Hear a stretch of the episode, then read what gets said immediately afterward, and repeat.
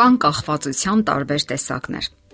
Կախվածություն են առաջացնում ալկոհոլը, ծխախոտը, տարբեր թմրանյութեր։ Դրանց մասին շատ է գրվում, սակայն կա մի թմրանյութ, որին այնքան էլ լուրջ չեն վերաբերվում։ Իսկ դրա մասին խոսելիս նույնիսկ գովերքում են։ Այդ թմրանյութը սուրճն է, որն իր ճիրաններում է պահում համարյա ողջ մարդկությանը։ Սուրճի մասին հաճախ հակասական կարծիքներ են հնչում, եւ այնուամենայնիվ ողջվել է նրա բացասական ազդեցությունը մարդու օրգանիզմի վրա։ Այսօր միլիոնավոր մարդիկ են օգտագործում այն, իսկ ավելի ճիշտ կլինի ասել, որ միլիոնավոր մարդիկ կախվածության մեջ են նրանից։ Նրանք բոլորը հայտարարում են, որ կարող են չխմել, որ իրենք են դրության տերը, եւ ապա ձեռքն են վերցնում սուրճի հերթական բաժակը։ Ասենք որ արտահանման համաշխարային ցուցանիշներով սուրճը գրավում է երկրորդ տեղը, զիջելով միայն նավթին։ Անկասկած է, որ այստեղ իր դերն ունի նաեւ կախվածությունը։ Այս ըմպելիքը ակտիվորեն գովազդում են, որովհետեւ այն մեծ եկամուտներ է բերում։ Գնորդները պարզապես չեն կարող փախչել նրա գովազդից։ Այն այսպես է հնչում. Առույգ կայտար օրվա սկիզբ։ Սակայն գաղտնիք չէ, որ սուրճ օգտագործողների մեծ մասը չգիտի այն բոլոր վտանգների մասին, որ իր մեջ պարունակում է սուրճը։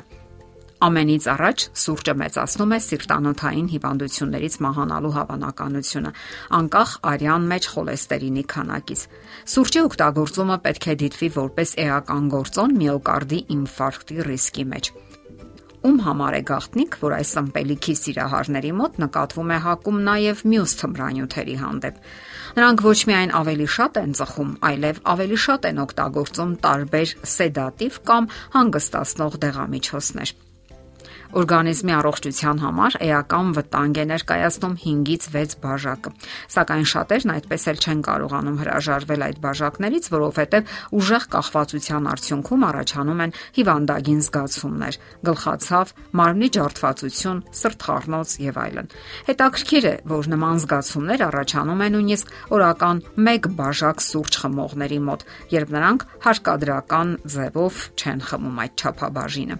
Հայտնի է, որ կոֆեին կոֆեինի մահացու չափաբաժինը 10 գրամ է կամ 70 բաժակը։ Եվ շատ մարդիկ ամեն օր խմում են այդ թույնի 1/10-րդ մասը։ Ինչ վերաբերում է արյան ճնշմանը, ապա երկու բաժակ սուրճը բարձրացնում է արյան ճնշումը այն մակարդակին, որը դիտվում է 1 ծխախոտ ծխելուց հետո։ Սակայն այստեղ մի էական տարբերություն կա։ Ծխախոտից հետո այն պահպանվում է 15 րոպե, իսկ ահա սուրճից հետո բարձր ճնշումը պահպանվում է ամբողջ 2 ժամ։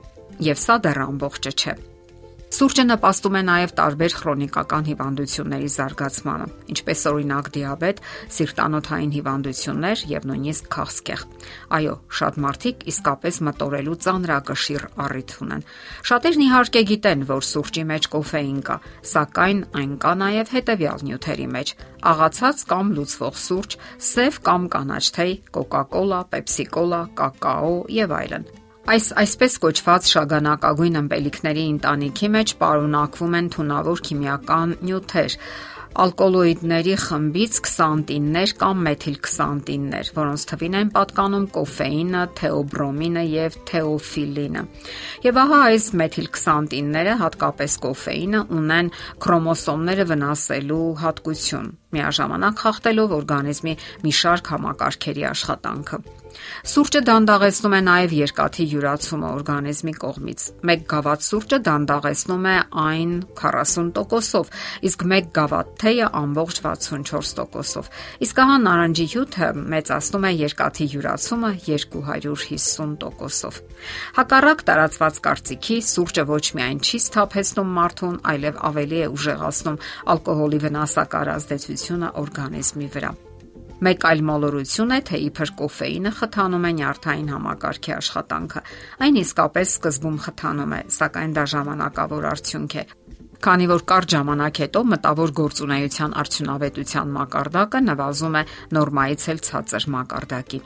Հետազոտությունները ցույց են տալիս, որ աշխատանքի ժամանակ կոֆեին պարունակող ըմպելիքների օգտագործումը ոչ միայն վատթարացնում է աշխատունակությունը եւ աշխատանքի արտադրողականությունը, այլ ընդհակառակը ուժեղացնում է ամենօրյա սթրեսների վտանգավոր ազդեցությունը, մեծացնելով պատասխան հակազդեցությունների ինտենսիվությունը եւ նվազեցնելով փոխհարաբերությունների շփման ընդունակությունը։ Ու թեև սուրճ օգտագործողը կարող է ուշադրության կենտրոնացման որոշակի ուժգնություն զգալ, աշխատունակության իրական բարելավում չի նկատվում։ Մենք արդեն նշեցինք թմրանյութի վնասակար ազդեցության մասին սիրտանոթային համակարգի վրա, երբ բարձրանում է արյան ճնշումը։ Եվ ահա օրական 1-ից 5 բաժակ սուրճը մեծացնում է միոկարդի ինֆարկտի հավանականությունը 60%-ով, իսկ օրական 6 եւ ավելի բաժակ օգտագործելու դեպքում 120%-ով։ Իսկ երիտասարդ կանանց առանձնահատուկ կարելի է ասել, որ կոֆեինը մեծացնում է մի շարք հիմնախնդիրների հավանականությունը կապված երեխայի հետ։ Մեծանում է մահացած երեխա ծնելու կամ վիժելու հավանականությունը։ Կանանց մոտ մեծանում է ֆիբրոկիստոզ հիվանդությունների քանակը, ինչն էլ իր հերթին 4 անգամ մեծացնում է կրծքագեղձի քաղցկեղի վտանգը։